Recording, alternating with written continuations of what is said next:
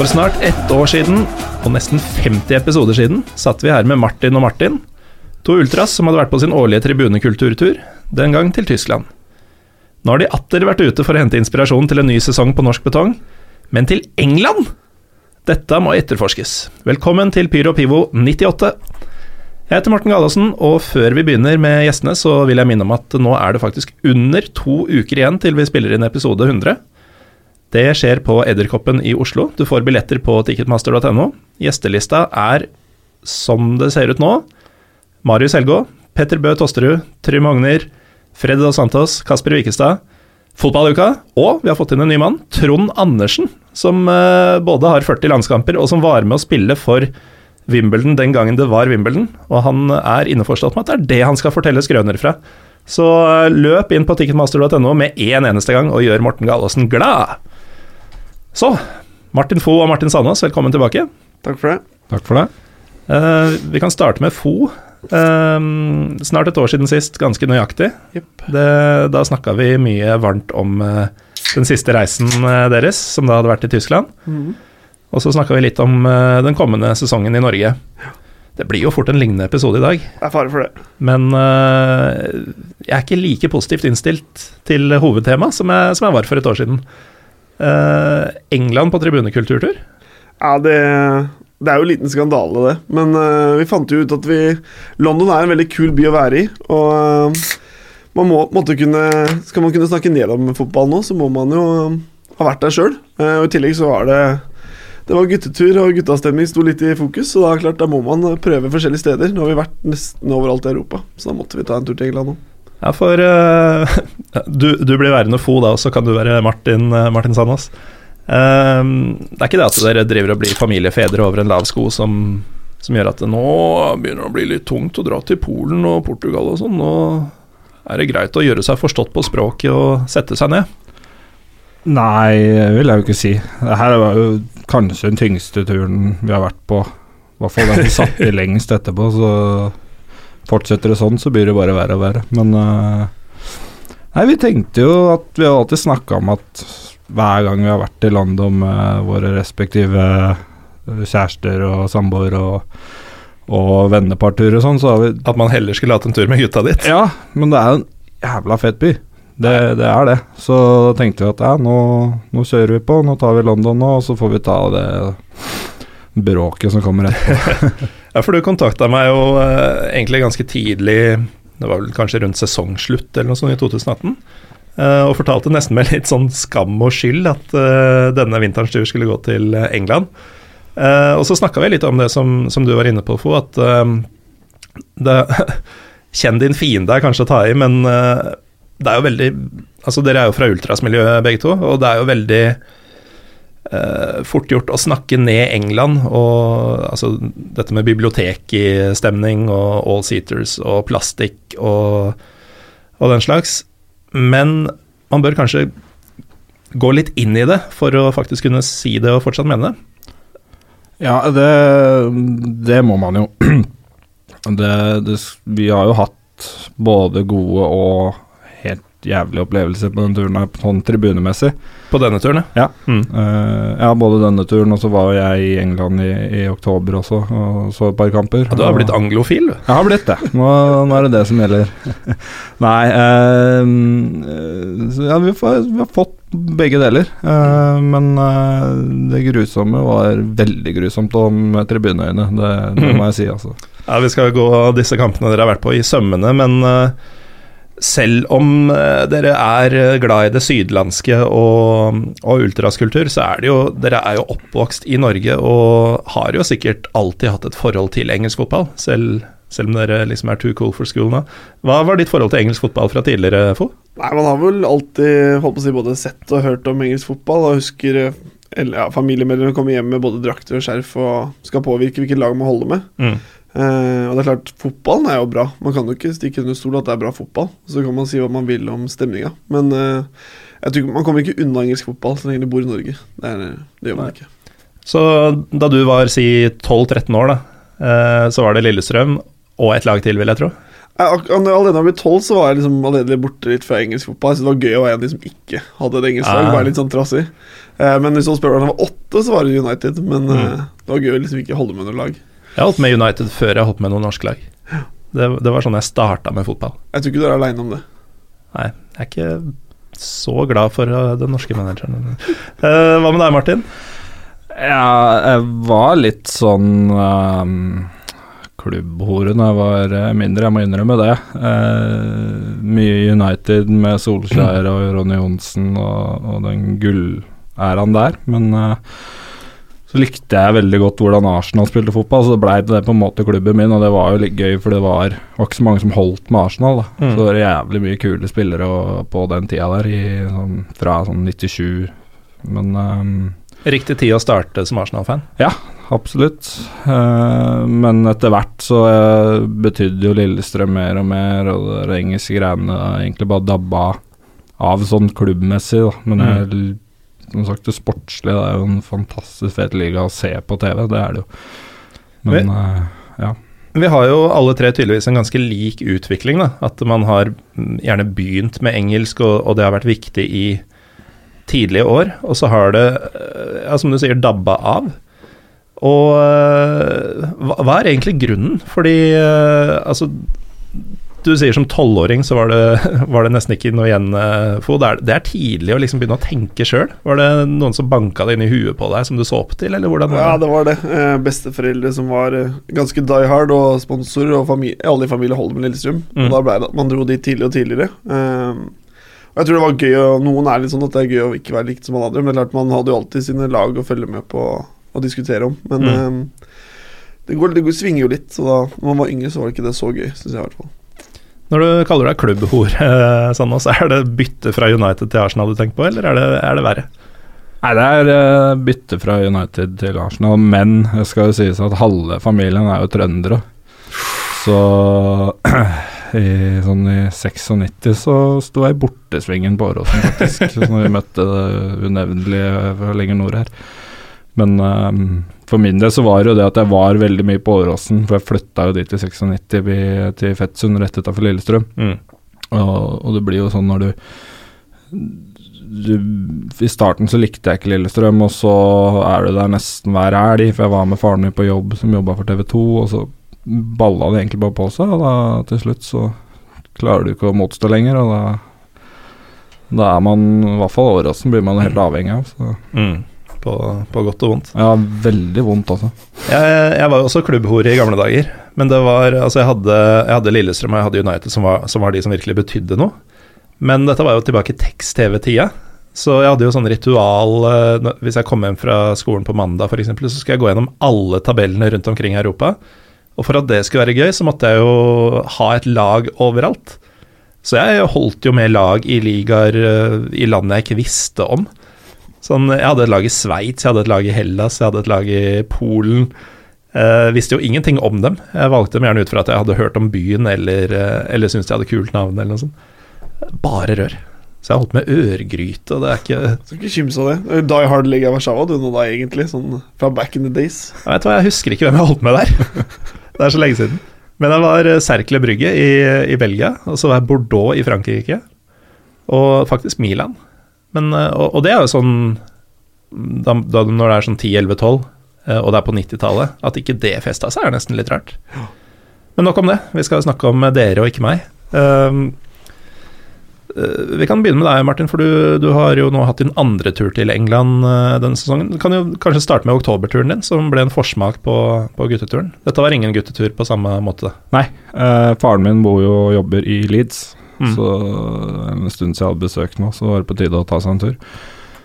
Så Holdt på å si samme far som tok deg med på Åråsen, eller til Lillestrøm eh, ukentlig i sin tid? Mm. Det stemmer. Samme far. Ja, det, det er samme far, ja. Uh, ja, nei, uh, da, da tenkte jeg at jeg har vært vel- fa- Faren min har bodd mange år i England, men jeg har ikke sett ball der siden 2001, så da tenkte jeg at nå, uh, nå må jeg ordne meg, ordne meg for å sette noe fotball, og, Mm. og, og Leeds er et veldig fint sted for det. Så da var det jo, fant jeg ut at det var Leeds Nottingham. Uh, Og den er jeg faktisk ganske lei. den, eh, den var det. Det var, eh, av de to kampene på den turen, så var det den som sto seg fram som mest overraskende i positiv uh, fortegn, altså. For visste du noe særlig om det forholdet mellom de to laga? Ja, det, det Brian Clough-greiene og sånn har jeg jo fått med meg, men egentlig ikke brydd meg noe sånn veldig mye om det. Men, uh, men, men jeg kom på det underveis i kampen, faktisk. Mm. Det var, men det var ikke noe jeg tenkte på sånn i, i, før kampstart. Nei, nei, for du har jo Brian Clough, uh, og du, du, har jo to klubber som rett og slett ikke er glad i hverandre. Mm. Uh, hvor merkbart var det? Var du Det var veldig merkbart. Også før kamp, eller?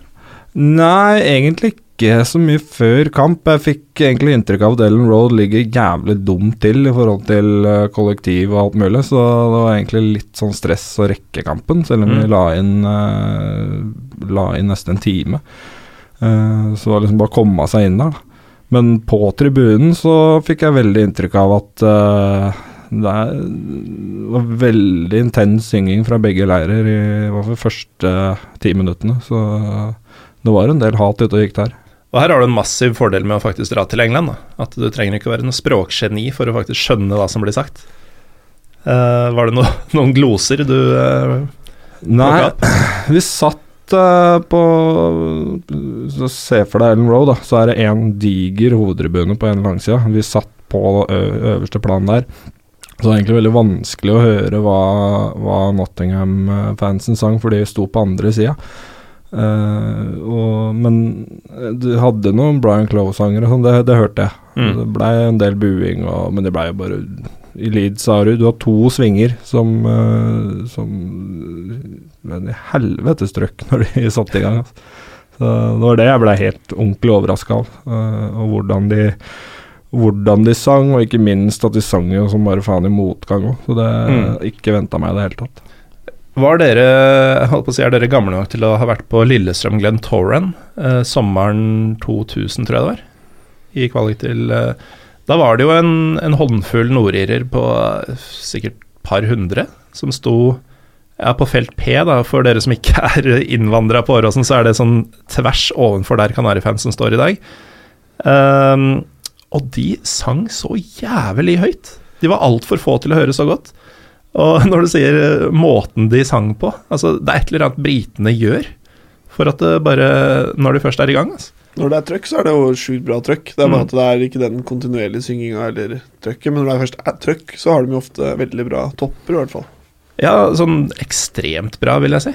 Eh, Jeg vet ikke om det, de lærer noe spesiell type sangteknikk på, på puben fra 16-årsalderen, eller hvordan dette funker, men Jeg, jeg tror det er mer den der når du først synger, så skal du dra på Det er ikke Ja. den derre I hvert fall ikke i Leeds, så tror jeg ikke det var den der, den der mumlesinga. Enten så synger du, eller så holder du kjeft. Det var egentlig det jeg fikk ut av det, de som, de som sto rundt oss og begynte å synge på de, de, de få sangene de var med på. Mm. De synger alt de kan i det sangen varer, og så setter seg ned og være stille. Og der har du kanskje Uh, Altså, de norske supporterklubbene som ser til England, da, har kanskje gjort seg en bjørnetjeneste ved å prøve å gjøre alle fornøyd. eh, med at eh, hvis du f.eks. har tromme både i Drammen og, og på Intility nå, så, eh, så får du Da vanner du på en måte ut de største toppene, fordi de som sparer seg til å trykke på på dem, er med litt underveis og bruker opp stemme og, og pust på det. Eh, samtidig som den summedelen, den kontinuerlige evighetssynginga som man da prøver å bake inn i det, eh, den får du fortsatt ikke med disse folka på. At det blir verken fugl eller fisk. Jeg må bare skyte inn der eh, angående kontinuerlig synging. Altså Leeds holdt det gående med samme sangen i over 20 minutter andre omgang. Leeds gjorde det? Ja, det var helt sjukt. Det var det, det, var, det var mest overraskende. Og da lå det- de under, så det var akkurat som de liksom bretta opp erma og bare Ja. Nei, vi legger oss ikke ned og begynner å bue på laget. Nå bretter vi opp erma også. Du så at laget løfta seg også, så det, det var jævla kult å se. Altså. Så nå knuste du teorien min. da. Ja, i hvert fall i Leeds. Men det var bare der. Jeg har jo vært på noen andre kamper i England òg, og jeg har ikke Mm. sett det samme, men uh. Men du sa dette var første matchen din i England siden 2001. mm. Så hva, hva var forventninga da du dro ut mot Ellen Road? Viten om at det er en stor kamp i championship og en stor klubb, men Jeg hadde nok uh, ganske greie forventninger til akkurat Ellen Road, for det er litt sånn sagnomsust uh, stadion, og Leeds er jo en, en Det er jo en kaosklubb Mm. eh, som nå gjør det bra. Jeg var spent på, på trøkket hvordan det var der, men uten at jeg så på noe særlig YouTube-klips og sånne ting i, Mm. i forkant. Forest-fansen, da. Nei, de, altså, de var eh, Der hadde jeg faktisk prøvd å google litt, eh, men ehm, de var sånn erkebritiske hvordan de var, da. Og, og, og da var det bare sånn kjempehøy synging, og dro på alt jeg hadde, og så var det stille i ti minutter, og så var det, var det samme på'n igjen. Men de fikk jo litt hjelp at de tok ledelsen tidlig i kampen også.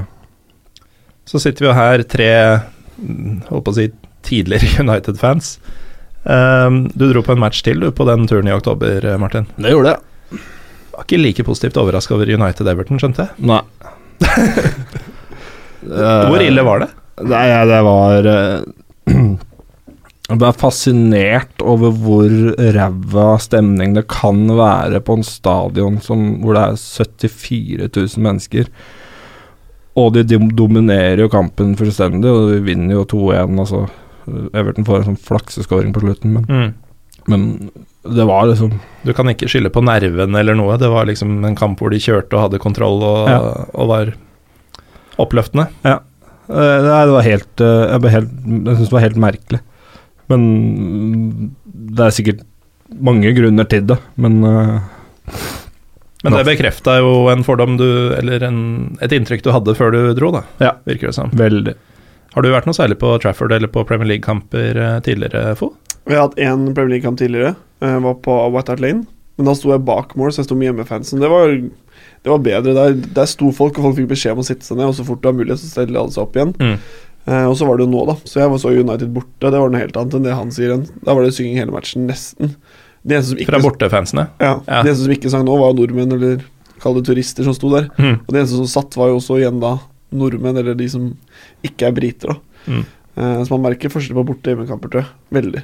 Ja, og det, det har man jo alltid sagt om England òg, da. At selv på jeg håper å si de virkelige bibliotekene som, eh, som ofte dras opp, eh, Emirates Old Trafford spesielt, kanskje er, Når Arsenal er på tur, eller United er på tur, eller Chelsea er på tur, for den saks skyld, så, så er det en helt annen verden.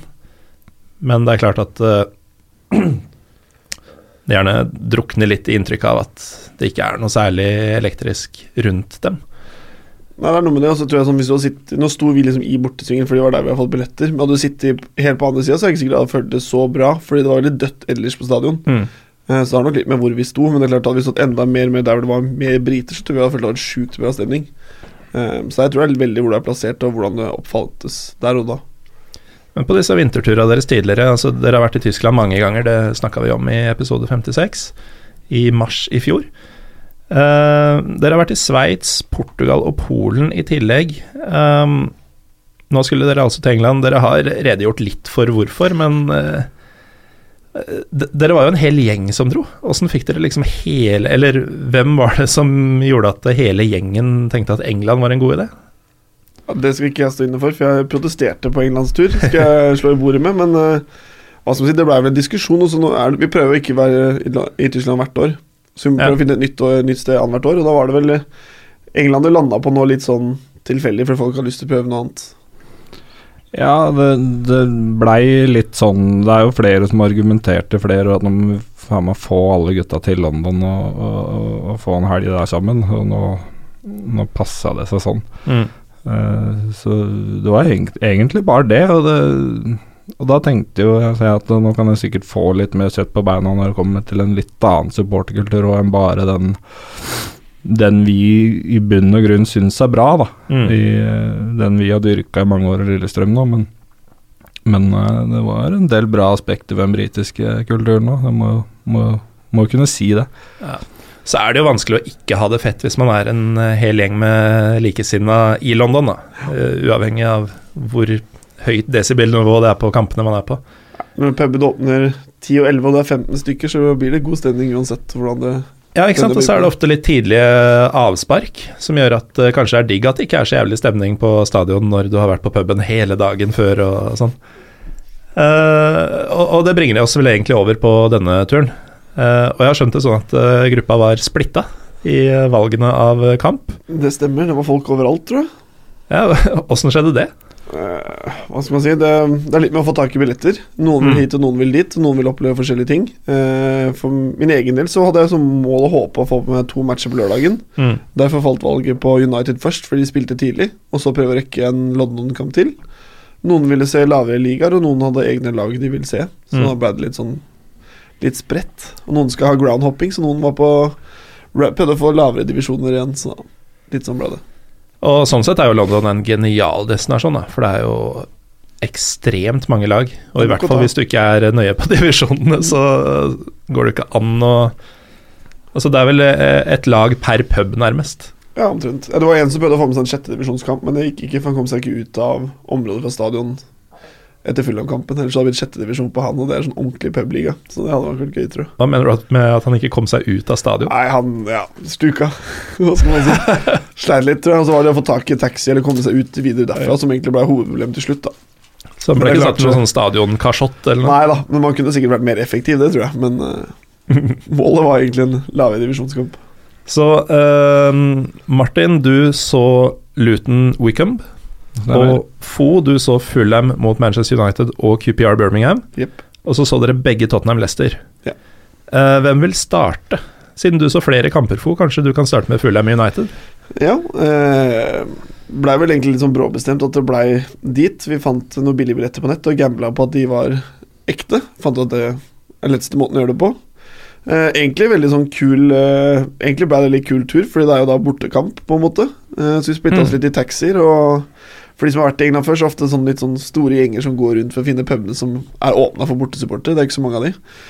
Og vi kommer til slutt i vår, vår taxi og ser over veien at det kommer en svær gjeng med mye artige varianter. Og som, da er det selvfølgelig vår gjeng som er i front for å finne pub der. Det, det ble en kul tur, det. Og så bortesving er alltid gøy. Stort sett, i hvert fall. Det var, det var bedre enn vi hadde forventa. Det er klart det er sykt mye Ola Nordmenn der. Mm. Nå med Solskjær og alt. Og det er mye Ja, Bjørn Dæhlie og. Matshus Lure og alt sammen. Og det går alltid vakter rundt og ber folk sitte, selv om alle prøver å stå i bortsvinger. Eh, og de som satt, var jo selvfølgelig nordmenn, da. Ja. Så det er noen sånne ting får man liksom bekrefta at det er som det er, da. Mm. Eh, men jeg må si at stemningen der var overraskende bra. Altså.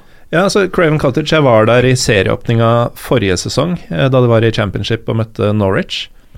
Og uh, Fulham generelt har jo rykte for, uh, for å være en veldig familievennlig klubb, og, og det bar det preg av i og med at det, det var ganske sånn hva skal jeg si, rolig og sindig stemning rundt omkring på stadion, men bortesvingen den er både ganske svær og romslig, og god akustikk også. Jeg var på motsatt eh, kortside fordi det var billigst, og Norwich-gutta hørte jeg godt. Ja, jeg tror det er veldig bra trøkk. Den er som du sier svær. Den er lang, på en måte, den er brei. Mm. Um, så trøkk og alt det var egentlig helt greit til å være det jeg forventa, i hvert fall. Men eh, det er kanskje mye fordi du var akkurat der, da. Ja, jeg tror hadde jeg stått på andre sida, eller sittet på andre sida, så tror jeg ikke jeg hadde vært like imponert, kanskje. Jeg tror det er noe med det. Ble det noe pai på noen av gutta i pausen? Det ble, vi prøvde pai, faktisk. Ja. Jeg som er currywurstgutt, måtte jo prøve Chicken balti? Yes, Jeg vet ikke hva det var for noe, det smakte helt jævlig i hvert fall. Det var noe tørre greier som var dritkjedelig. Men man må jo prøve. Jeg syns det smakte som uh, innbakt lapskaus. Ja, litt de, ja. Det tror jeg er en ganske god beskrivelse av engelske paier. Ja. Og så blir jeg alltid lurt av det der steak and kidney pie, fordi jeg tror det faktisk skal være nyre i det. Ja, ja. Som jeg, som jeg jo alltid spiser når jeg er på Balkan. Uh, men det er det jo sjelden. jeg vet ikke hvordan han har fått navnet sitt. Men uh, hvordan gikk denne Fulham United-matchen, uh, for? Det gikk jo seier til United og egentlig ganske sånn overkjøring, så det var jo ganske easy, easy going, det. Så var det egentlig bare å hive seg i en taxi. Vi var litt kjapt ut så fort kampen var ferdig, så har vi oss en taxi og dro til QPR-kampen, som da vi rakk akkurat. Så det var, Det den var litt annerledes, kan du si. QPR Birmingham? Jepp. Ja, fordi Fulham United, du sitter igjen med et litt bedre inntrykk enn du kanskje forventa. Ja, det vil jeg si. Jeg tror det. Eh, vil Muligens hjulpet av hvor du sto og hvordan kampen gikk. Absolutt. Jeg tror ikke det hadde vært det samme hvis det hadde vært uavgjort eller 0-0 eller United hadde slitt, f.eks. Men ikke en verst opplevelse. da. Nei, det var helt greit. Det var det absolutt. Mm. Pils og pai. Så haste over til en annen West London-klubb. Jepp. Det var litt annen opplevelse. Eh, tipper Birmingham kom med overkant av 2000 bortesupportere bak hele kortsida. Eh, Vi fikk kjøpt billett i en sånn shady luke og bare løp inn. Og han var selvfølgelig blant mest die hard QPR-fansen, tror jeg. Det var mye tatoveringer og arr og patcher på armene der. Supportere med arr, det, da er Ja. du på riktig sted. Jepp. Så vi fikk, men det var langsida, da. Men så vi fikk egentlig ganske bra plasser. Eh, Det er bare det at eh, QPR slapp jo inn 1, 2 og 3 og 4 i første omgang. Så klarte de å redusere ett mål før pause, så da var det jo ikke akkurat god kok på stadion der. Mhm. eh, Bortsett fra bortesvingen var det selvfølgelig veldig bra. Ja. Og i pausen var det heller ikke sånn veldig god stemning. Det var sånn, Vi snakka ikke norsk høyt rundt der. Men det var pils og pause, holdt jeg på å si. Og pai. Og pai. Ikke pai, da. Da var jeg forsynt med å være paien. Men så drar det seg til i andre gang, så der var det både 2-4, 3-4. Og på overtid får Coopyard straffe. Der Nei. var det relativt god kok, men bomma. Nei! Jo, jo. Åh, hvor snytt følte du deg da? Jeg, jeg tenkte bare sånn Nå kommer det taket til å løfte seg, men det gjorde det ikke. Så det var, men det var jævlig bra stemning nå, rett før der, da. Men, og det kokte greit da, for jeg tror ingen forventa det. Nå ligger det under 4-1 til pause. Men, uh, så det var, en, det var en kul opplevelse, men det er også igjen Kampen var jo helt sjuk, liksom. Mm. Så det hjalp jo litt, da. Og det er litt sånn Det føler jeg er litt typisk championship. Mm. Eh, De gangene jeg ser noen høydepunkter derfra, så er det alltid noen som banker et frispark i krysset, og det er helt ville skåringer. Og, og i romjula så så jeg også en del kamper derfra, i mangel av eh, andre ting. Og det trøkket på banen, det kan i stor grad veie opp for eventuelt manglende trøkk på tribunen, da, som, som i det hele tatt virker å være vesentlig bedre der enn i divisjonen over. Er sånn, Hvis jeg skulle dra tilbake til England så tror jeg det hadde blitt championship-kamp istedenfor Premier League. Jeg synes det var Hele greia rundt, rundt stadion er bygd liksom midt i boligfelt, det var masse politi, det var liksom mye bortefans, god match, alle sammen. Jeg hadde dratt heller dit og det var en mye kulere opplevelse Mm. enn Premier League sånn sett. da Så den var hakket bedre enn United-matchen. Da jeg dro på denne Fulham-matchen i eh, serieåpninga 17, så var, sto valget mellom å se Fulham og QPR, og jeg valgte Fulham. Husker ikke helt hvorfor. Ehm, høres litt ut som jeg valgte feil, egentlig. Kan hende. Jeg er ikke sikker du har fått 4-4-match eller tre-fire matcher, da, men Nei, det er jeg ganske sikker på at det ikke hadde blitt, for jeg sjekka vel hva det Uten at jeg husker det eh, nå, men eh, hvordan den gikk. 4-4 ble det ikke, det ble det ikke, dessverre. Kunne men, eh, men Fulheim var ganske døvt uh, den gangen jeg så dem. Uh, og så var det litt mange Stefan Johansen-drakter, må jeg innrømme, for uh, i forhold til hans nivå. Ja, det er vel en gjenganger, tror jeg. Eh, samtidig så befant du deg uh, litt lenger nord, uh, Martin. Stemmer. Luton Wickham. Stemmer det. Wickham er et lag jeg har null forhold til, annet enn at på den tida hvor jeg hadde favorittlag i alle land og leste tabeller fra alle ligaer, så trodde jeg de het Wycombe. Den tror jeg veldig mange på fra vår generasjon uh, har kalt dem. Uh, Y-kombi. Og Luton, eh, det er en flyplass og Vidar Riseth. Du har noe litt mer kjøtt på beina, som du sier, på begge disse klubbene? Ja, ja, ja, jeg har litt på Wickham også. Um, ikke sånn um, uh, Ikke sånn veldig historie, historisk, men, uh, men litt i løpet av kampen, kan du si, dukka det opp en del ting. Ja, åssen var denne utflukten til eh, det perifere Nord-London? Eller er det kanskje en egen by, eh, Luton? Ja, Luton er vel, så vidt jeg forsto, så liker ikke de å, å, De liker ikke å kalle seg en del av London. Det er Luton, og det og det, De er liksom stolte av det, da. At de er utafor London og ikke en del av det. Og vi, vi nevnte Leeds som en kaosklubb i stad. Du har vært innom QPR, og Luton også har virkelig vært ute å kjøre i noen år. Men de, ha- de har det. Um, det er en sånn typisk klubb som ligger da mellom conference og championship uh, opp gjennom åra. De vant FA-cupen på slutten av 80-tallet en gang, tror jeg. Uh, men det er det de har å, å skilte med. mm. Uh, skal jeg bare sjekke sjekke noe. Ja, i 2008-2009-sesongen så starta de med 30 minuspoeng i League One. Det er ganske sjanseløst. Det er imponerende. Det, det har aldri hørt om noen som har starta med så mange minuspoeng. Og det, det, når vi var på puben før kampen, så var jo det noe de, de snakka om og når vi spurte litt rundt om, om Luton sin historie, da. Så, så var den der 30 minusen, den, den satt langt inne ennå. altså. ja, den, de glemmer ikke den. Nei. Um, men uh, altså, åssen var Når når jeg liksom ser på notatene mine nå og leser Luton Wickham i februar Det kan jo ikke ha vært annet enn iskaldt. Nei, det var kjempedeilig. Kødder du? Nei, det var ni-ti varmegrader og helt nydelig. Skal Det holdes helt legge til sant. London, eller England-turen er den varmeste turen vi har vært på. Vi har stort Ja. sett fryst i hjel på hver eneste tur vi har vært på. Og når det endelig så slapp vi å fryse i hjel. Det går jo ikke an å dra på fotballtur uansett hvor i februar uten å fryse. Nei, men nå klarte vi det faktisk. Jeg var i Hellas jeg, og frøys eh, ballene av meg to av tre kamper.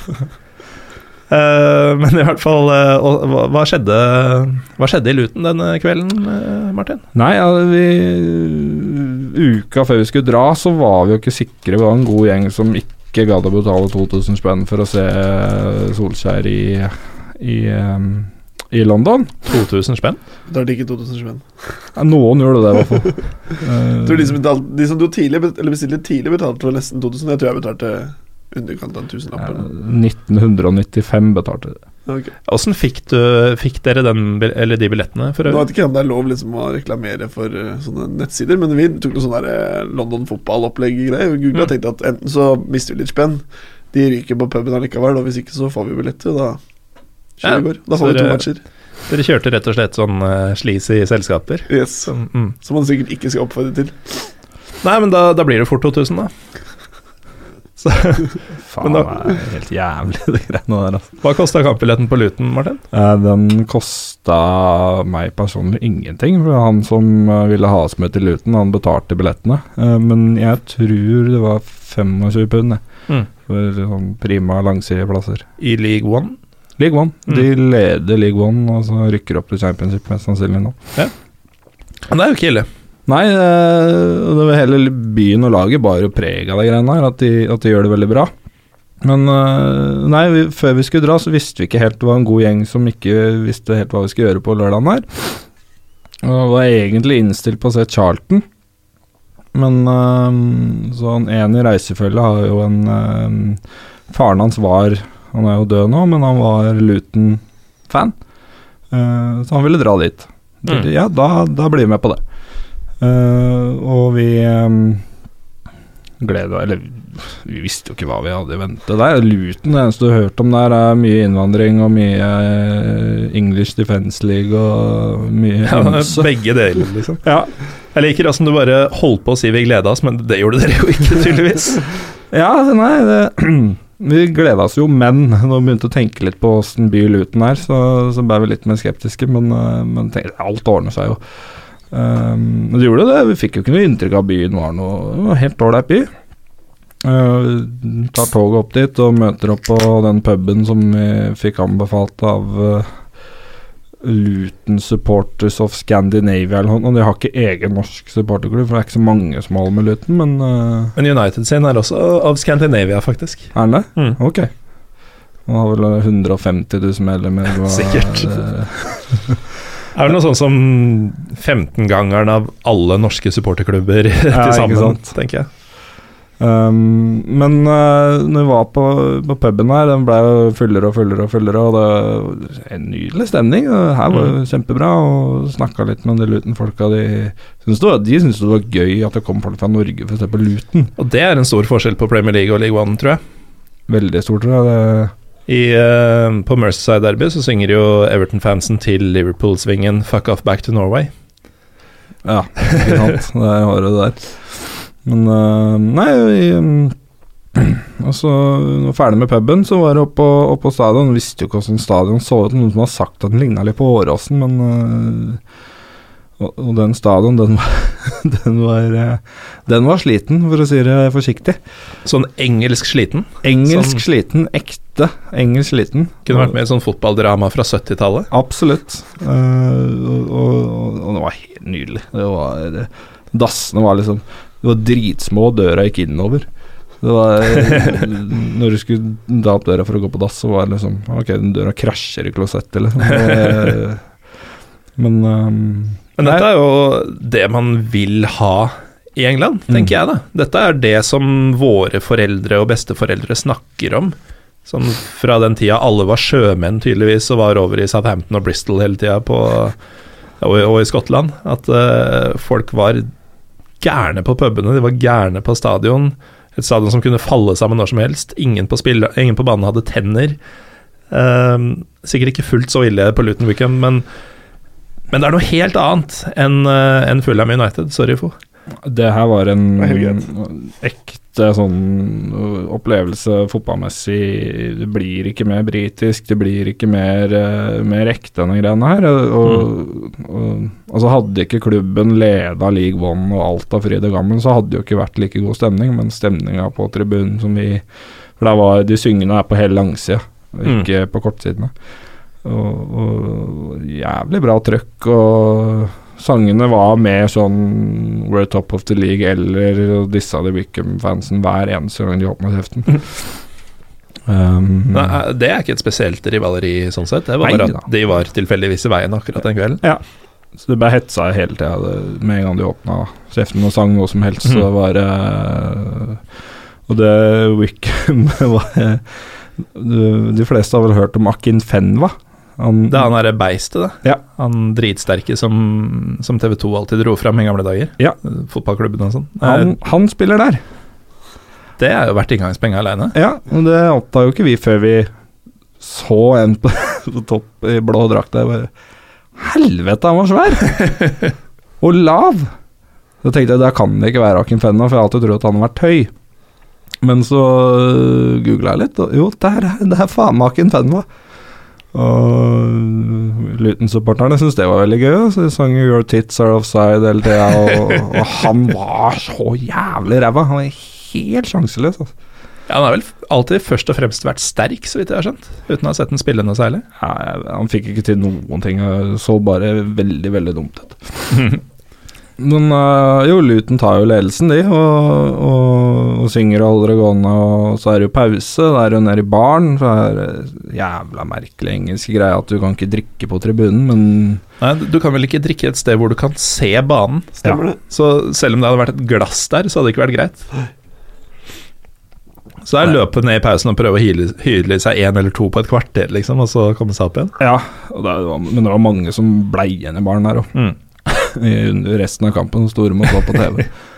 Så, så gikk jo vi opp igjen, da, og, og, men så gikk vi litt ned igjen, for vi begynte å få litt dårlig tid. For vi hadde et tog som vi skulle rekke på vei hjem, og sånn, så vi tok siste ti minuttene tok vi baren der. Og da, da så vi at, eh, at eh, det var noe sånn bane, to banestorminger fra Wickham-fansen. Det var bare jævlig forbanna over all hetsen de fikk. Så, så du lynte øya på de som frakta vekk vakter og sånn, så det var eh, og der stemninga der i baren etter hvert som de vant og sånn, det var helt, eh, helt strålende. Ja, åssen endte kampen? 3-0 til Luton. Og de hadde kontroll hele veien gjennom, Ja, eller kom det seint? Ja. Så da er det vanskelig å ikke feste. Hvilken ukedag var dette? Ja, det var lørdag. Ja, ikke sant. Da, Lørdag klokka tre. Den perfekte storm. Ja.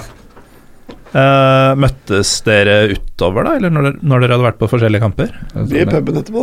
Tok, uh, tok lørdagskvelden på puben? Jepp. Det skal det- sies at pubkultur i London eller England generelt er jo men er, De er like tørste som oss, du, rek, du er ikke først i baren hvis du går i pausen heller. Det, er liksom, det står alltid en fin gjeng der, og puben er jo alltid åpne, så Ja, det er jo litt av problemet. De er jo ikke det. De, Nei, de stenger nei, sånn- seg jævla tidlig. Nei, men da har vi drukket siden åtte Ja. om morgenen, så da er det greit å ta kvelden etter hvert. For vår del, når vi begynner da å drikke klokka åtte om morgenen, så gjør det ikke noe at det stenger tolv. Eh, Nei, det er et godt poeng, for så vidt. Spesielt interesserte som drar ut videre da. Og det er jo helvete satt i bevegelse, fordi eh, ja, dere som pent kledde, holdt jeg på å si, har kanskje ikke det problemet, men når du skal bytte fra pub, som er det mest casual stedet, altså no pun intended, det, det minst formelle stedet i verden, til eh, engelske nattklubber, da er det plutselig ikke nok med joggesko og, og en T-skjorte lenger, altså. Uh, og, det, og dette er jo både det beste og det verste, syns jeg, med England. Det beste er pubene. Uh, og pubkulturen og alle de der kråkene som sitter på puben hele dagen. Og hvis du tilbringer noen dager i samme by eller samme bydel i London, eller noe sånt, så kjenner du dem igjen og sånn. Men så stenger det så altfor tidlig. Kanskje greit nok for dere akkurat i dette tilfellet, men Ja, på generelt generelt ja, Vi grunnlag. kom oss ut én dag, og da havna vi på en sånn derre 80-talls-party, treetasjes sted, som ikke var så nøye, tydeligvis. Men eh, det skal si, Eller de var nøye nok til at du måtte ta bilde av før du går inn. De skanna passet og tok bilde av deg. Eh, Men eh, det holdt stort sett de andre dagene med å gi seg i, tolvdraget. Da var det for sent. Det, det er jo for så vidt gjenkjennelig fra tidligere turer også. Det, det har uh, havna noe DNA fra halsen min på, på britiske pubdasser før klokka tolv opp igjennom. Eh, men eh, igjen, det er ikke meg det skal handle om. Eh, det var lørdagen, og en litt redusert gjeng som skal ta fatt på Tottenham-Lester eh, på søndagen, eller? Nei, det er jo da komme seg opp, få seg ordentlig English breakfast og kyle ned noe pils, og så er det Vi tok taxi, vi burde tatt bane, men tok taxi til uh, Wembley og fant en pub i nærheten der. Ja, Jævla så- kul, jævla kul pub, faktisk. Akkurat den vi handla på. Uh, Ved Wembley? ja, ligger, hva skal man si Det er rett utafor Wembley. Det er en sånn derre tappe Nei, ølsmakegreier, egentlig, tror jeg. Men det var veldig kult sted. Ganske stor, svær uteservering og sånn, og der var det god stemning. Var ikke noen nordmenn der, så vidt jeg opp... Jo, kanskje to-tre stykker, tror jeg. Men uh, lite nordmenn, og typisk britisk kultur, så er det jo øl og mugger og, god stemning fra tidlig på'n, det var veldig bra. Mugger som i mugs Som i med mugs, øl, ja. eller Ja. jugs? Som i mugger med øl. Ja, det kunne vært begge deler, men ja. Nei, ikke i England. Mugger med øl. Ikke England. Men uh, da var hele gjengen med, eller? Da var hele gjengen med. Ja, det var én som uh, vi eh, En casualty? Ha, ja, han, han uh, syntes hotellet de bodde på var for dyrt, og han bestilte litt seint, så han endte opp med et uh, hostell litt lenger oppe i gata. Han jeg vet ikke faen hva som skjedde med, med bankkontoen hans på fredagen, men eh, han hadde ikke penger på søndag, så han kunne ikke ta Og han stressa jo litt for å komme oss i Wembley, uh, rundt Wembley-området for å få noe servering før kampen og sånn. da. Mm. Og så tenkte tok vi liksom Hvem er det som er her? Jo, vi mangler han ene. Han har jo ikke penger, så han gikk fra Oxford Street til Wembley. Nei! Det er Over to timer, ja. to og en halv time. For å ikke kjøpe Han kom gående i Når vi står i inngangen i eh, altså køen for å komme inn på stadion, da. Kommer gående tuslende. Helvete! Faen, Ja, gått. I to og en halv time? Ja, det var helt, eh, helt sjukt. Men eh, da var vi alle, da, til slutt. Det er så Kunne ringt og spurt om å få at vi legger ut for taxi eller tar bane men det Ja, Jeg vet ikke hvorfor ikke det skjedde, egentlig. Har ikke noe godt svar. Banen koster kanskje fem pund eller noe sånt. Ja, det, det var lett å ta banen, for vi tok banen tilbake igjen. Det, det var dritsmooth. Mm. Men uh, fikk seg en litt luftetur, da. Men du, du er jo nesten i luten igjen du på dag to, uh, Martin. Det er jo jævlig langt nord. Ja, det er jo det. Uh, Taxituren tok jo tre kvarter eller noe. Som sagt, som Fo sier her, det er egentlig mye bedre å ta bane, men eh, Og det er kanskje, Vi, vi kan ta litt mer sånn generelle reisetips på slutten her, men uh, i det hele tatt eh, De engelske taxiene er jo veldig sånn Du vil jo gjerne ta en tur i en, uh, hvis du ikke har gjort det før spesielt, men egentlig også hvis du har gjort det før. fake taxi-feeling med en gang. Ja, ikke sant? Og så er de så De er jo overalt, så det er så enkelt å bare sånn Skal vi dra dit? Ja, ok, ja, der er det en taxi. Men T-banesystemet er supereffektivt, altså. Jepp, det er veldig smooth. Eh, men i hvert fall dere havna på Var det sånn der craft beer-sted, eller? Ja, det tror jeg. Jeg husker ikke det var. En som var noe Google-søk. Hvis du googler liksom pub i nærheten, så Mm. kommer det opp den ene store, og det er den første største som kommer. ja, jeg tror det blir på en måte gjort om til uh, et sånn uh, Ekstremt mange tappegraner og, og det er en veldig, veldig svær pub. Som jeg tror til vanlig så er det sånn craft beer slash restaurantopplegg, men Mm. uh, på kampdager så tror jeg de gjør det om til et sånn stort serveringssted. da. Mm. Så The Torch, tror jeg den heter. Så, For akkurat den slags, uh, igjen tilbake til dette med engelske puber, da. Eh, noen av oss har jo blitt veldig sånn kaksete på øltyper og sånn, og syns jo da ofte at til og med Tyskland, faktisk, men kanskje spesielt den tradisjonelle engelske puben, blir litt døll iblant. Fordi det er de vanlige pilstypene fra rundt omkring i Europa, og så er det de der engelske alesa som er sånn varme og bitre. Eh, men nå har jo det der eh, håndverksgreiene og IPA-er og, og sånn den varianten vi er vant til her, begynt å komme litt dit også. Eh, men nok om det. Dere varmer opp på en svær, svær pub. Er det også mye folk der, eller? ja, ja det var, det var fullt, altså. Ja, fullt. Etter hvert var det helstappings. Ja. Mm. du må stå i kø for å få pils. Og Tottenham-folket er eh, vel ikke kjent for å være de mest høylytte, men eh, på puben så er jo engelskmennene gode. De er gode på pubkultur. Eh, det var synging, men det var faktisk ikke sånn så mye. Men det var synging her og der. Det er klart De som har vorsa lengst, de synger høyest, og så Mhm. er det deretter. Ja, på puben gjør de det. Ja, På stadion så chiller de mest. yes Um, er det noen incidenter å melde fra, eller skal vi inn på stadion? Det er egentlig ingen incidenter. Vi kan gå rett på stadion, tror jeg. Ja, det var stille og rolig. Ja, Det var det for så vidt på stadion nå. Ja. Der fikk vi virkelig bekrefta hvor kjedelig det kan være på en eh, Premier League-kamp. For der var det Kunne hørt noe da falle, tror jeg. Det var helt dødt. Akkurat Wembley, altså jeg har aldri vært der før. Det er jo et av de virkelige templene i fotball. Hadde, var det første gang for dere, eller? Nei, jeg har vært der en gang før. Har du vært der en gang før? Jeg har vært der, Var på FA Cup-finalen. Før eller etter ombygging? Uh, etter. Uh, Ah, ja. Så jeg var der på Liverpool-Chelsea, tror jeg det var. Eh, og da var det fortsatt god kok, men da er det jo litt en kamp som betyr noe, litt sånn Mm. rivalisering. Uh, men jeg visste jo at det ikke ville bli det samme nå, for det er jo to helt forskjellige kamper. Uh, og to helt forskjellige lag. Men jeg må si at det var virkelig skuffende greier. Mm. For Martin, det er første gang på Wembley. Du, du har en gang i tida vært interessert i England, og så har du liksom slått det litt fra deg, men det må ha vært en helt spesiell følelse å vite liksom i timene før jeg skal på fuckings Wembley. Hvordan, eh, hvordan var det i praksis? Jeg syns Altså, når vi skulle gå mot stadion der og sånn, det var helt magisk å, å se Å bare være der. Um, det er som du sier, det er et tempel for fotball. Um, og, og den er jo blitt jævlig svær og mektig, og egentlig en nydelig fotballstadion. Det, det er jo den er bratt og, og, og, og fin, og du hører jo på de gangene det ikke er engelske lag der, at det går an å lage stemning der òg. Um, men det ga seg sånn fem minutter ut i kampen, og så begynte man å bli Det var eh, Hva skal jeg si? Det var ingen svinging, selv om det var ganske mange bortefans. Uh, Ja, Du hørte ikke dem heller? Eh, ingen det var Ikke i nærheten av å synge fra Spurs-fansen. Uh, Nei. Så det bare hva, hva faen er det her for noe? Det er Premier League. Jepp. Veldig. Veldig Ja. sånn sted. Det, så det vil si Wembley har Det de har, er jævlig god gin tonic. Den var god. Ja, de har drøyt di- digg gin tonic der. Det Ja. var det jeg følte sitter hjemme fra den kampen. Så det var virkelig stusslige greier. Den der kombinerte kioskpuben på Wembley, de serverer strålende gin tonic. Ja. Yes, faktisk. Og de er effektive så det går fort i køen her, men uh, det var det. tribunene, i hvert fall når Tottenham spiller der, serverer ikke stemning. Nei. Ikke noe som ligner engang. Og Leicester var ikke noe imponerende heller, eh, sier dere? Jeg hørte vel kanskje én gang, tror jeg det var noe. Det var litt noen sjansegreier. Da var det litt synging, og så var det helt dødt igjen. Og det var liksom ja, ikke Mm. noe tegn til stemning heller. Nå skal det sies at vi etter hvert gikk eh, Vi, gikk jo, vi så ikke kampen ferdig, for såpass lei blei vi etter hvert. at Det syntes var så ille. Ja, vi synes det, var, det ga oss ingenting, på en måte. Det hjelper ikke at fotballen er god, eller det er ikke sikkert dette var Det en var spesielt ikke- god var kamp, men, god kamp men at Det det er noen verdensstjerner som lomper rundt der borte, sånn, det, det ble var også gammelt. Det var rett og slett dødskjedelig. Så det frista mer å ture videre og se litt av London og finne seg en pub. Ja, vi, vi delte oss litt. Altså De som er litt sånn Tottenham-supportere, de ble jo igjen der. Men resten av oss bare Nei, vet du hva, vi det er siste dagen å sitte her og glo på kjedelig fotballkamp. Det kan vi gjøre på en pub, men da kan vi kose oss litt samtidig. Så da gjorde vi det isteden. Vi gikk jo sånn nærmere ja, Vi dro jo halvveis, da.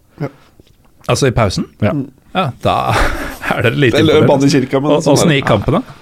Jeg tror Tottenham vant. Jeg tror det tok seg opp lite grann, men Det får vi, det får vi eh, håpe. Det er det bare Tottenham-gutta som sier, er det ikke det? Eller Ja, som ble igjen.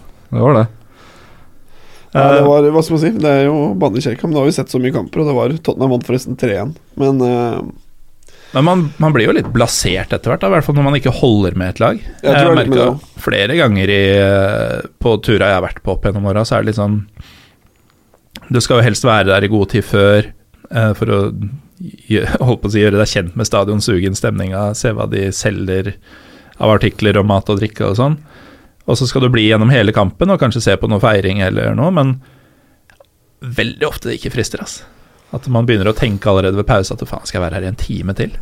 jeg tror, men jeg tror faktisk at det er første gang vi har gått før i Som jeg kan komme på, hvert fall, vi faktisk har gått før. Jeg satt til mye Basel og frøs så fælt. Jeg var støl i ryggen etterpå. var Skjelvet så Mhm. fælt. Og satt igjen på trass. Og nå var det bare Nei, det frista ikke. i det Da hele gikk jeg ved pause òg. Ja, da gikk du faktisk. Det gjorde ikke jeg. Da satt jeg på trass da som først var der. Men eh, Nei, det, det var ingenting som sa at det var noe grunn til å bli her noe mer. For det var bare Om vi var drittlei eller hva det var for da veit jeg ikke. Fyllesyk var vi ikke, i hvert fall. For det var nok gin tonic først. blei, altså jeg kjente at jeg blei nesten litt sånn eh, Jeg blei forbanna inni meg, da, fordi her er det Det var jo egentlig ganske mye folk, og spesielt i svingene. Eh, Hvorfor må det være så dødt? Jeg Mm. forstår ikke grunnen til det, liksom. Men uh, hvor, hvor mange var dere på denne turen? Vi var 14 stykker. 15 var vi. Ja, 15 var vi, stemmer. Og det er jo helt nydelig å være en så svær gjeng på tur, fordi hvis noen da vil gå i pausen, eller hvis noen vil på en annen kamp enn de andre, eller hvis noen ikke har råd til å ta den taxituren, så kan man splitte seg opp uten at det blir drama av det.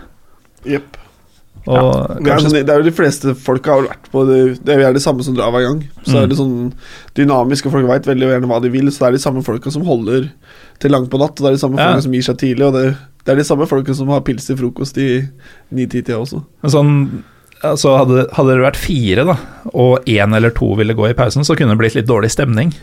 Ehm, verste man kan gjøre, er egentlig å reise tre på en tur. Ja, Fordi Hvis da én ikke vil være med på noe greier, da skal vedkommende være ganske fleksibel på for å ikke bli forbanna på resten.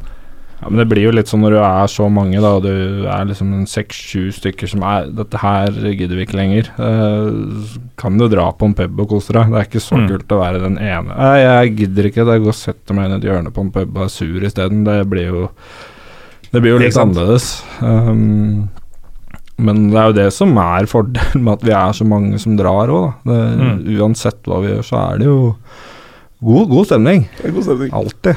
Så nevnte jeg jo litt spøkefullt tidlig at uh, dere driver og etablerer familier og, og blir litt sånn siderumpa, gubbete wannabe-ultras. Jeg sa kanskje ikke det før, men jeg sa det tydeligvis nå. Uh, med glimt i øyet, så klart. Men eh, når man sier at det er en fordel å dra en stor gjeng på tur, selvfølgelig er det det, men så er det fort gjort å tenke at det er ikke så lett for alle.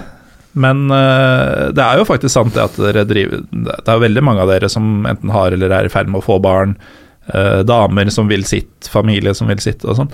Dere får det jo til for det, så, så det er mulig Ja, eh, med en viss planlegging. Og for deres del så er jo nøkkelen tydeligvis at dere drar omtrent samme tid hvert år.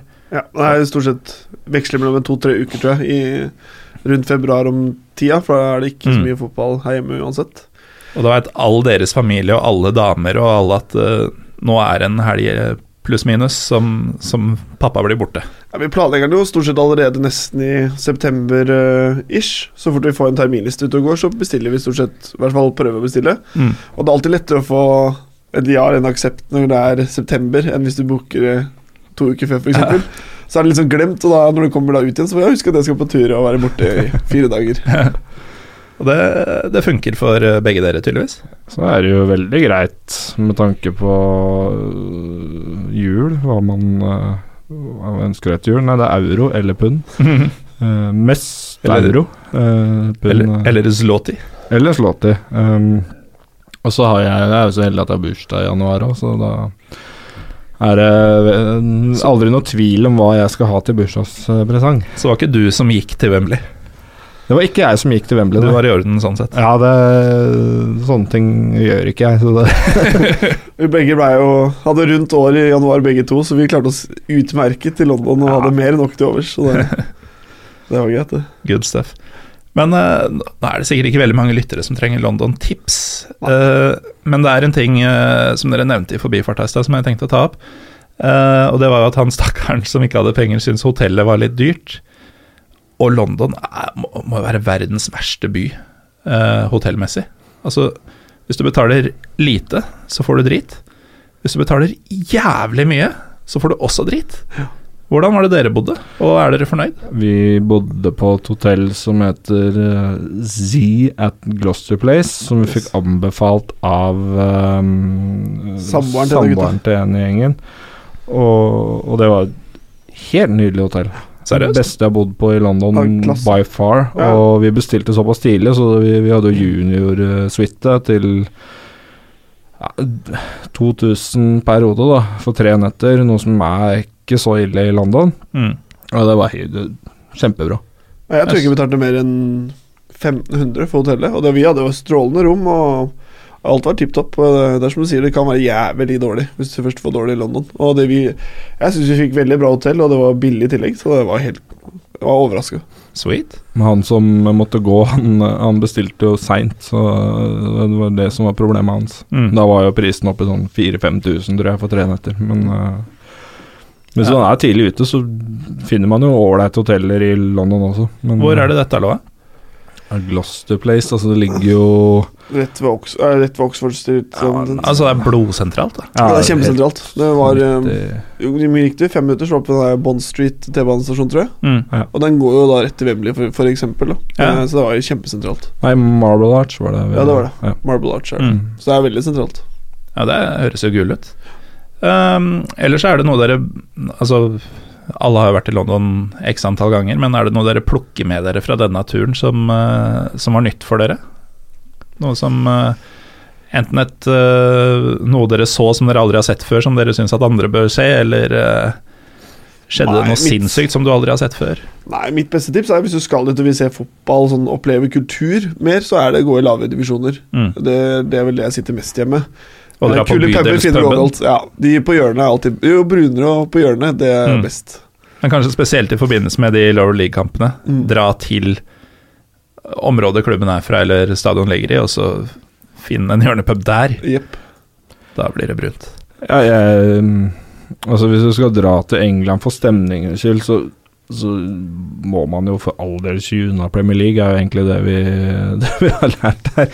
Men, eh, men eh, Eller en bortesving i Premier League, da. det, det, kan, det kan være bra. Mm. Og så er det jo, det er jo noen kamper i Premier League også som er spesielle. Som Du så jo det på TV nå på, på søndag mellom eh, United og Liverpool, at det er jo stemning der òg. Mm. Men det er så situasjonsbetinget, da. Mm. Eller kampbetinget, hvordan stemninga er.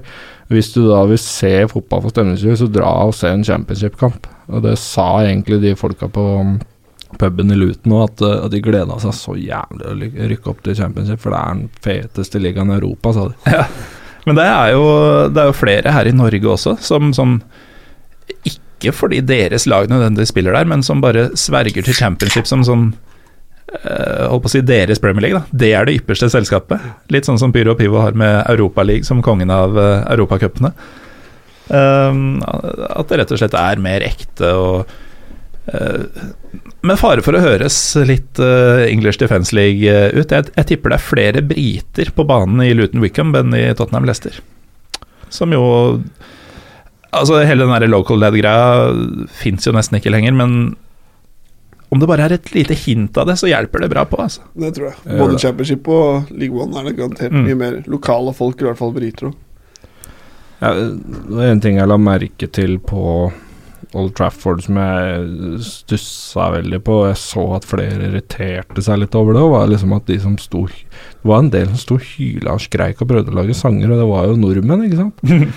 Og det, det det virker som at det der å dra på tur på Old Trafford er uh, Er dems på en måte å dra på Åråsen, dra på Intility, dra Mm. på uh, Marienlyst, ikke sant? Det, det, det, blir så, det blir så jævlig feil. Og, Ja. og, og, og folk i England er jo veldig sånn klar over det, og hater det jo. Det er jo dems kultur, det er jo dems klubb. Vi er jo der på en måte som gjester da, når vi er og ser på kamp. Men øhm, spesielt i Norge, tror jeg, så det tror jeg det der er veldig ille. Ja, det er liksom eh, Nå er jeg veldig sjelden på Premier League. Jeg husker faktisk ikke sist jeg var på en Premier League-kamp. Lurer på om det var på 90-tallet. Uh, inntrykket mitt er at det er skandinaver og asiater som som kjøper de beste plassene, og, og som indirekte da er mye av årsaken til at de som ville gått for stemninga sin skyld, som har denne klubben og dette området i blodet, eh, gjerne prises ute. Men eh, det er et det er en historie som har, eh, har blitt fortalt for mange ganger, og som egentlig er litt oppbrukt. Men jeg tipper det er noe i det for det. Jeg tror det stemmer ganske bra. Du merker litt sånn Der hvor det var dårlig stemning på bortefeltet på Fulham, og så var det nordmenn. Mm. Eller i hvert fall skandinavere, stort sett. da Ja. Det nok, det var jo ikke, Vi var ikke aleine med norsk på Wembley heller. Og der hvor vi satt, var det i hvert fall dødt. på en måte Nå var det dødt uansett, da men Mm. det hjelper ikke at det sitter Ola Nordmann overalt. Nå skal ikke vi si noe som var nesten 15 stykker, men vi er der én gang, ikke hver match. Jo, men det er litt med, med holdninga du har når du er på kamp. Altså vi, Når vi er på kamper i Tyskland også, så er det jo turister.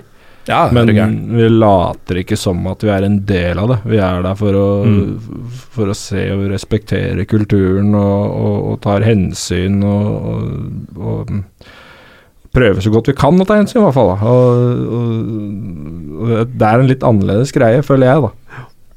Istedenfor å bruse inn og prøve å ta over og være helt eh, ja, med. Eller Det er litt vanskelig å s- hvor- hvor- Eller hvordan man skal si det. At det, de nordmennene som prøver å synge, eh, var det jeg syntes var kleint. da Mm. slitsomt. slitsomt. Eller ja, å, å prøve å synge med på ting som startes, er jo egentlig bare gøy. Ja. Men det høres ut som disse folka som driver og starter sanger og sånn, Ja. og, og driver og tar over det som på sett og vis er jobbene til enkelte av disse sliterne på tribunen. Ehm, det var jo for så vidt gøy den gangen Tony Hoja sto på forsangerstolen på Åråsen, men det blir noe helt annet igjen. Det er akkurat det. um, men altså, disse, disse årlige vinterturene deres har brakt dere til England nå, og så flere ganger Tyskland. Dere har vært i Sveits, Portugal, Polen. Um, I hvert fall de jeg kommer på i farta. Er det noen av disse andre landene som dere kan sammenligne med England?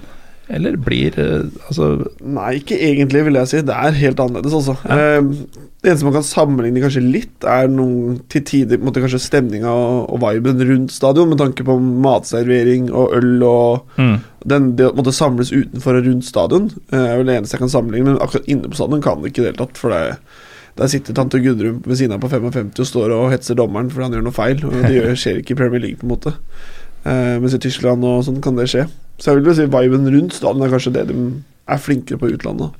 Så øh, læresetninga til de som hører på, som stort sett har sett fotball i Norge og England så langt, er at det fins en mye større verden der ute, selv om England kan være fett, det også. England, altså England i seg sjøl, by, sted, land, det kan være fett. Men eh, skal du oppleve fotball og kultur, så blir det utlandet som vinner hver gang. Utlandet. Som, Utlandet. som England. Europa, kan For, for, for nordmenn så teller ikke England som Nei. utlandet. Nei, jeg mener det er Euro, som i Europa i dag. Tyskland, Sveits, Østerrike, Polen. Mm. Ja, det blir um, Tyskland skiller seg jo litt ut fordi at fotballen her er I hvert fall på deler av det er jo på nivå med det beste i Europa. Så der kan du få begge deler. Altså, så, drar og ser eh, kamper i Sveits, så er jo ikke det fotballmessig veldig bra, men uh, stemninga er jo er jo fryktelig bra uansett hva du ser, egentlig. Mm. Um, så, så Men, men de, det skiller seg jo veldig ut i og med at i Se Bortsett fra Spania, så har jo egentlig alle andre land i Europa en, en, en tribunekultur hvor pyro, hvor trommer, hvor, hvor flagg, skjerf Altså egentlig alt Mm. er en del av det. da Det er en del av, av kampen. Så føler jeg på en måte i England at det er mer sånn Vi er her for å bli underholdt. Ja. Eh, Og ak akkurat det har jo bl.a. Petter Wæland sagt i tidligere Pyro Pivo-episoder, at uh, det er litt greia i Spania også. Uh, det er ikke de som skal lage showet, de, de skal bli showa for. Vi var faktisk i Eller vi var, jeg var ikke der, men vi har faktisk hatt tur til Spania også. Og vi var og så LSK på treningsmatch i La Manga, og noen kjørte til Madrid og så Real Madrid. Nå var ikke jeg der sjøl, så jeg vet, men jeg tror ikke det var noen stor tribuneopplevelse, det heller. Men Mm. vi har faktisk da kan huke av Spania også. Ja, ikke sant? Og det er det viktigste. Ja, ja. Nå får man jo oppdatering i groundhop-rappen annet på Ja. hvor mange land du har sett fotball i etter hvert som du sjekker inn, og det, det er jo plutselig noe man samler på, det òg. Til slutt, da, som, eh, som tribuneskaller som står foran en ny eh, norsk sesong, som tross alt er det som betyr mest for oss alle. Eh, oss alle, ikke nødvendigvis alle som hører på, eh, men forhåpentligvis de fleste. Er det noe dere har tatt med dere herfra? Fordi dette er jo ofte inspirasjonsturer for dere, har jeg skjønt. Eh, måte å finne nye sanger på, nye måter å organisere seg osv. Har dere plukka med noe fra, fra England? Så En ting jeg vil si de er gode på England, er jo de ironisangene, eller sånn køddesanger. Mm, ja. eh, å kunne komme på noe som passer like bra i Norge, det har vært gøy. For jeg syns noen av de sangene er jævlig catchy og treffer jævlig bra. Det skal de ha, at noen av de sangene som også trøkker veldig til, er sjukt sånn funny. Men eh, så mye mer enn det sånn Å bruke hos oss, det tror jeg ikke. Det passer på en måte ikke helt vår stil, da. For de som foretrekker den såkalt britiske kulturen, da, så er jo det ofte det eh, Spontane er jo argumentet som går igjen. Og det er jo f.eks. å ta en situasjon om plutselig en motspiller har driti seg ut, og, og finne på et eller annet utrolig treffende å synge og få med hele stadion på, som de, som de gjør der. Den er unik, yep. og den, eh, den er noe å trakte etter i Norge. Det, man har jo liksom proffen-rop og jævla rasshøl og la han dø og sånn, men det er ikke noe snert i det. Nei Jeg kan komme opp på, et par sånne spontane rop som har oppstått uh, på Åråsen. Um, Ja, nei, det, det fins, men blant annet Der er England i verden stoppen. Mora til Rushfeldt har joikabollemus. du vet jo hvem som kom med den? Uh, Var det deg, eller? Det var ikke meg. Uh, etternavnet begynner på M. Ja, riktig. Da, Eh, da har han vært gjest her før. Bust. Ja, han har vært gjest her før. Bust. Så, så, og, men det, det er litt det jeg tar med meg, hvert fall spesielt fra Luton-kampen. At man må prøve å ta vare på det, det spontane lite grann, og ikke bli helt Altså Jeg føler at Norge er et litt land som hvor, hvor supporterkulturene på en måte har blanda seg litt. da. Begge deler er ganske fett. Altså, Mm. Hvis man klarer å ta vare på det spontane litt, grann, samtidig som i hvert fall vi i Lillestrøm kommer til å fortsette med dra det veldig i tysk retning, tror jeg. Men, øh, men det, det spontane har er, en bra ting å ta vare på, syns jeg, da. Nå blir det jo veldig Lillestrøm-nerdete der, i og med at vi alle tre kommer fra miljøet, men uh, det er jo et nytt styre i supporterklubben der. Veldig mange nye folk, hvorav um, Det er jo en god del som har kommet inn der, i, i det som tidligere har vært litt sånn aldrende og litt siderumpa styre. Nå er det mye folk fra den tida der ultraskultur ble en greie i Norge, som de har fått noen år på baken og blitt voksnere enn det kanskje var for ti år siden, men det er jo folk med på en måte riktig eh, ballast. Eh, hvor store forventninger har dere til tribuneåret i Lillestrøm denne sesongen? Personlig har jeg store, eh, i den forstand at jeg tror vi håper vi tar noen steg, og at vi, jeg føler vi er liksom på rett vei. Jeg føler det Folk er mer ivrige, og de som var ivrig, begynner å komme litt tilbake. Vi begynner å få folk litt tilbake, om det er fordi de nå har tid igjen, eller hva det er, det vet jeg ikke. Men jeg føler vi liksom er litt sånn på rett vei, og på rett kurs. Det, det har stått litt stille. Jeg vet ikke om det har gått tilbake, men det har stått litt stille, og nå går det liksom litt framover igjen, og vi er, utvikler oss litt mer, da. Så det Mm. blir spennende å se hva vi klarer å få til. Og Så kan vi håpe, selv om det ikke nødvendigvis gagner oss tre rundt bordet her, men at det også er en trend rundt omkring i landet, og at norske tribuner kan fylles mer opp. Eh, og at trøkket kan stige igjen, sånn som det var på sitt beste rundt tiårsskiftet. Ja, det er jo Ingenting er jo egentlig morsommere å komme til en full stadion og være mange bortsupportere på en full stadion hvor det er trøkk. Uh, så det er mye Jeg personlig syns det er mye kulere enn å komme til en stusslig Skagerrak-greie hvor det er 4000 på en så stadion som tar 12. Mm. Det, det, blir, det blir sånn Det føles veldig sånn lokalfotball ut. Uh, men vi vet jo alle potensialet er jo der. Vi, vi begynte jo, i hvert fall vi begynte jo i å stå og være aktive supportere i 05, 06, 07, altså de, Mm. de åra der. Og da var det fullt på Åråsen hver kamp. Uh, Ja, mer eller mindre. Tilnærma. Snitta på nærmere 9000, over 9000 et par av de åra. Det var Spikeren måtte si hver eneste kamp og trekke lenger innover. Mm. Eh, det er plass til flere, men eh, dere må trekke lenger innover. Eh, det har ikke jeg hørt på snart ti år. ikke sant? Så potensialet er jo der, Mm. men det er jo bare Det er egentlig opp til til nordmenn generelt da, å, å gå og støtte laget i din by. Ikke sitt på ræva og se Premier League. Dra og se og Det kan du gjøre i februar. ja. ja, du kan det. Ja, du kan det. Eh, men eh, ja, det er, det, er, det, er jo det er jo ikke sånn at automatisk så bare kommer det masse folk i, på kamper i de, i de åra der. De, de Det starter jo med deg. Ja, det gjør det. Så når man sitter og sier at Nei, nivået på norsk fotball er så jævla dårlig. Du kan gjøre noe med det. Hvis hver eneste norsk klubb hadde hatt full stadion på hver eneste hjemmekamp, så hadde nivået blitt bedre òg. Mm. Ja, enkelt regnes ikke det. Mer penger til klubba, høyere satsing, Mm. bedre lag. Um, takk, Martin Fo og Martin Sandås, for at dere kom og delte av uh, turen dere nesten har skamma dere litt over å, å dra på. Uh, og lykke til med årets sesong. Det kan jo jeg Takk selvfølgelig si til dere to. Takk, takk. Um, og så må jeg jo rett og slett spørre om eh, Har dere kjøpt billetter til uh, Edderkoppen 12. mars, eller? Du må ta en tur, vet du. Må det? Ja, ja. Må det? Jeg har noen sånn jobbgreier som jeg må prøve å rydde opp i. Men, er synd du er eh, sjuk akkurat den dagen. Ja, det, det er litt, litt synd, ja. Nå, nå som Trond Andersen kommer, så kommer du nok på ja da kommer jeg, når det kommer sånn Wimbledon-legender, da, da må jeg komme òg. Da, da må du komme. Kanskje vi kan finne en måte at Trym Hogner dukker opp samtidig, selv om han egentlig har gått av scenen på den tida. Eh, og så er det jo selvfølgelig full bar, da, dere som hører på. Og eh, salg av merch også. Hvis du vil ha det rareste fotballskjerfet du noensinne har sett, så er dette kvelden for deg. Og til dere som bor i Bergen og, og blir bitre over at jeg maser om dette hver uke. Vi kommer til dere også tre dager etterpå. Bergen offentlige bibliotek 15. mars. Og det minner meg på at jeg må ringe noen av bergenserne på telefonen min og kunngjøre at de skal være med. Eh, nok om det. Eh, takk, Martiner, for, eh, for denne gang. Takk til dere som hører på. Jeg heter Morten Galaasen. Følg gjerne PyroPivopod på Twitter og Instagram, så høres vi neste uke.